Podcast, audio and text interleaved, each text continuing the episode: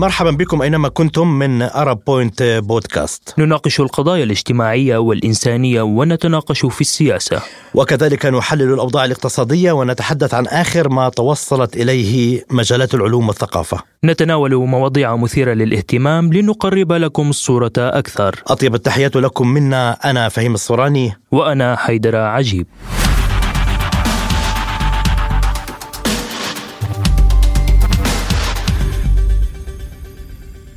مستمعينا نتحدث اليوم عن مرض يخشى أن ينتشر حيث لم يلبث العالم أن أن تراجعت أزمة فيروس كورونا حتى أصبح على موعد مع مرض آخر ما يزال في كثير من جوانبه مجهول. نتحدث اليوم عن فيروس جدر القردة.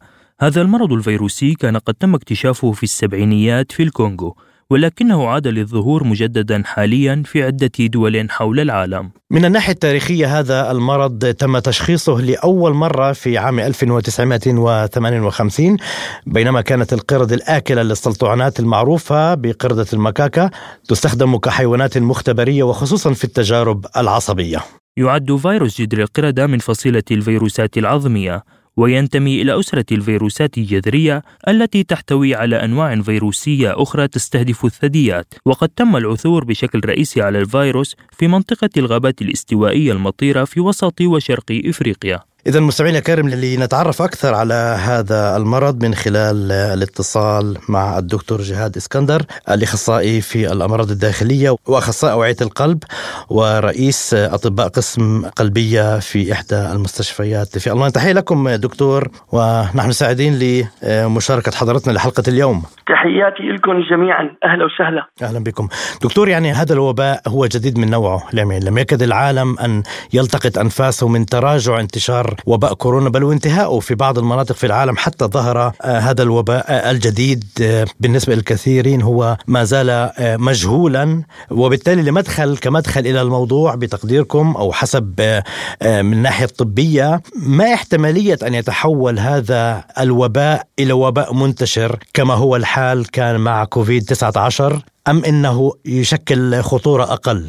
أنا برأيي طبعا جذري القرود هو مرض فيروسي آه، موجود منذ زمن بعيد يعني تم موجود من منذ عام 1970 أول ما اكتشف هو مرض فيروسي يصيب القردة ولكن تم اكتشافه لأول مرة عند الإنسان 1970 في آه، جمهورية الكونغو الديمقراطية. أنا أؤكد يعني قبل أن أشرح عن هذا المرض بأن لا خوف من أن يتحول إلى جائحة كالكورونا آه، السبب أنه هذا المرض ينتقل عن طريق الاتصال المباشر إما مع الحيوانات المصابة أو مع الإنسان المصاب ولا ينتقل بشكل سريع عن طريق الرئة أي أن الحد من إمكانية انتشاره يمكن السيطرة عليها بشكل كبير جدا. اثنين لا داعي للهلع أو الخوف لأنه برأيي لن يتحول إلى وباء لأن أكثر العالم تمتلك آه، لقاح الجذري الذي يسبب حماية بنسبة 90% بعكس فيروس الكورونا يلي هو مرض تنفسي ينتشر عن طريق الهواء أو عن طريق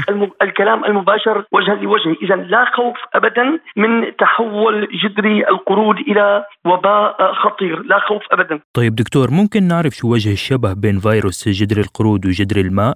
طبعا الفيروس تقريبا هو واحد هو ينتمي إلى مجموعة الفيروسات الغديه، الفرق بين جدري الماء وجدري القرود، جدري القرود هو فيروس يصيب القردة وينتقل بين القردة تماما. كما قلت أول حالة انتقلت إلى الانسان كانت عند طفل عام 1970 في إفريقيا بجمهورية الكونغو الديمقراطية. جدري الماء هو أيضا مرض فيروسي يتظاهر بطفح جلدي الفرق بينهما. يعني كلاهما يسبب حرارة يسبب وهن عام يسبب آلام عضلية. ولكن الفرق الكبير في جدري القرود بأنه يسبب تضخم شديد في الغدد اللمفاوية.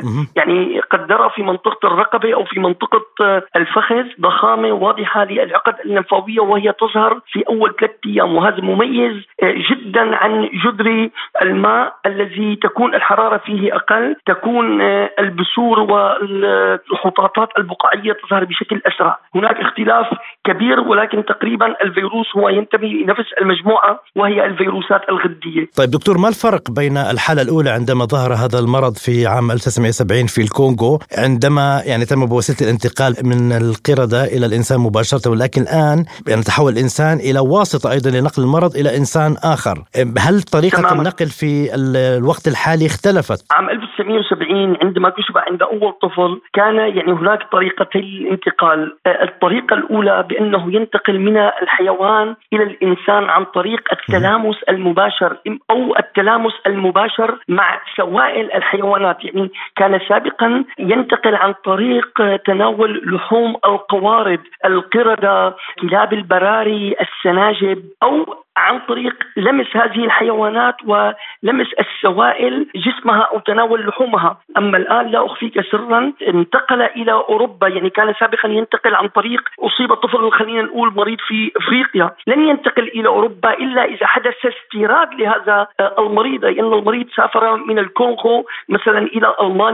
وسبب عدوى لبعض الناس. أو من أي بلد أفريقيا ينتشر في هذا النوع من الحيوانات. أه، أه، طبعا كان موجود هو في أه، غرب وسط إفريقيا حتى كان موجود في السودان في نيجيريا في الكونغو في تشيلي. الآن لا أخفيك سرا الحالات التي ظهرت في أوروبا. أول حالة ظهرت في بريطانيا نتيجة سفر مريض من إفريقيا إلى بريطانيا أي أن يعني يجب أن ينتقل المريض. ولكن يعني هناك اختلاف كبير عن فيروس الكورونا. الحالات التي حدثت في اسبانيا هي للأسف حدثت بسبب الشذوذ الجنسي تماما حدوث عند اللوطيين الممارسة الجنس عند اللوطيين أي أن هناك مريض أصيب بجدر القردة. نتيجة الاتصال الجنسي اذا اذا يمكننا السيطرة بشكل كبير على هذا المرض ولا أعتقد بأنه سيتحول إلى جائحة لأن نرى بأن الاتصال المباشر مع المريض كما هو الاتصال الجنسي عند المثليين هو السبب الأول لظهوره في أوروبا. كما لا ينتقل بسهولة عن طريق الهواء أو التنفس؟ عن طريق الهواء والتنفس آه، لا اخفيك سرا تقول منظمه الصحه العالمية يمكن أن ينتقل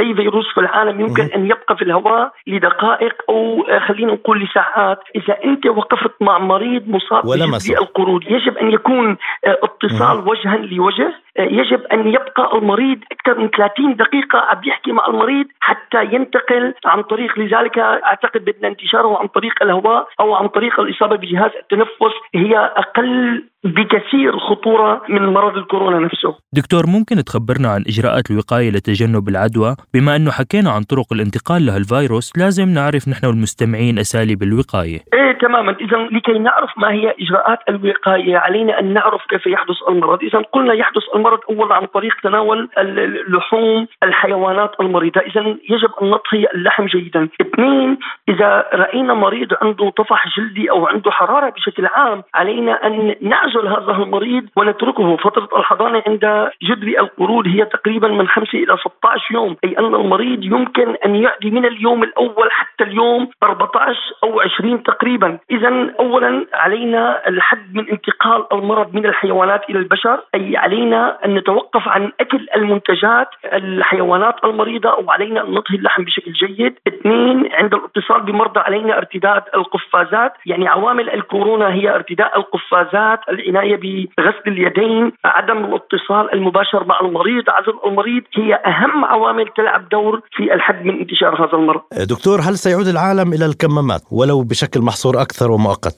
هل تقصد عند جدري القرود ام أم الكورونا؟ لا, لا الجدري القرود بطبيعه الحال. أنا أتوقع آه، كمامه لن تلعب دورا كبيرا في الوقاية من جدري القرود لأن الاتصال المباشر مع المريض أنا كما ذكرت الاتصال بالسوائل، التماس المباشر مع الاغشيه المخاطيه أو بالاتصال الجنسي، إذا الكمامة لن تلعب دورا في الوقاية الكبيرة من جدري القرود لأن عدم الاتصال المباشر هو آه، أفضل آه، عامل للوقاية، إذا حدثت هناك حتى الآن لا توجد معلومات تؤكد بانتشاره السريع عن طريق التنفسي قد يقول المرأة علينا في الأماكن المغلقة أن نرتدي الكمامات. أما بالنسبة لمرض الكورونا نحن نعرف الآن آه، توقف مرض الكورونا في كثير من الدول. لم تعد هناك علينا لبس الكمامة لم يعد آه، علينا إظهار اللقاح آه، في حرية تامة. أيوة الوقاية الإجراءات الصحية تم الحد منها كثيرا. هناك أمر مهم أعتقد في 15 9 أي عند بداية بين الخريف والشتاء إما أن يظهر متحول جديد يؤدي إلى حدوث إجراءات وقائية أقوى بسبب الكورونا أي متحول جديد وموجة خامسة أو أعتقد بأن الوباء سيبدأ بالانتهاء لأنه في الفترات الأخيرة توجد عندنا في أوروبا حالات كورونا كثيرة ولكن بدون حدوث التهاب رئة بدون حدوث صمامات رئوية بدون حدوث ضيق تنفس أو نقص اكسجه إذا أن الإصابة بالكورونا أصبحت مثل أي مرض آه، التهابي للطرق العلوية وستكون خطورتها أقل بكثير جدا. أي بإذن الله نحن نحو الانتهاء من هذا الوباء. إن لم يحدث هناك آه، ظهور متحور جديد آه، بالشهر تسعة أو عشرة من السنة الحالية. طب دكتور في سؤال لحضرتك. هو بصراحة ذو شقين يعني له بعدين بعد طبي لربما بعد اجتماعي أيضا، يعني كون نتحدث عن أيضا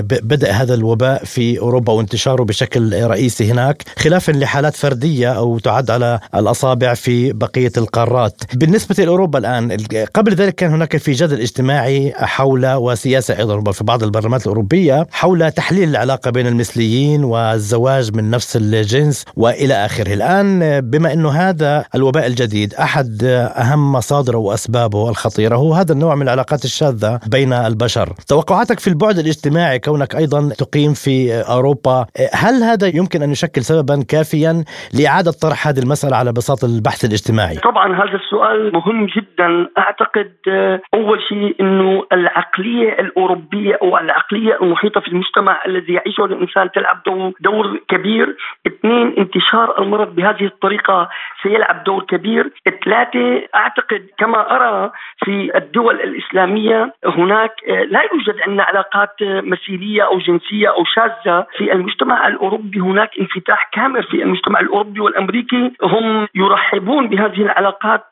الشاذة أو المثلية أصبحت علامة تجارية في أوروبا. تماما تماما للأسف. يعني للأسف من فترة رأيت على إحدى الكنائس في ألمانيا علم قوس قزح وهو من أعلام المثيلية الجنسية. يعني كيف يتقبلون أن يوضع علم للمثيلين الجنسيين على كنيسة الذي يعتبر هو دور من دور العبادة؟ اذا للأسف العقلية الأوروبية تعتقد بالحرية الكاملة للجسد. لا تقول بأن الإنسان أن الجسد يمتلكه الله وإنما يقول أنا حر في جسدي. هذا ما يتعلمه المرء في أوروبا. ولكن حدوث مرض جذري القرود بسبب الاتصال الجنسي الشاذ. أعتقد سيكون هناك قرارات جديدة للحد من هذه العلاقات لن ينهوها بشكل نهائي ولكن ستكون هناك ضوابط كثيرة وفحوصات كثيرة والحد منها آه، بشكل كبير جدا. نعم الدكتور جهاد اسكندر أخصائي الأمراض الداخلية والأوعية الدموية رئيس أطباء قسم القلبية في ألمانيا شكرا جزيلا لك. شكرا جزيلا لكم دكتور. شكرا لكم وإلى اللقاء.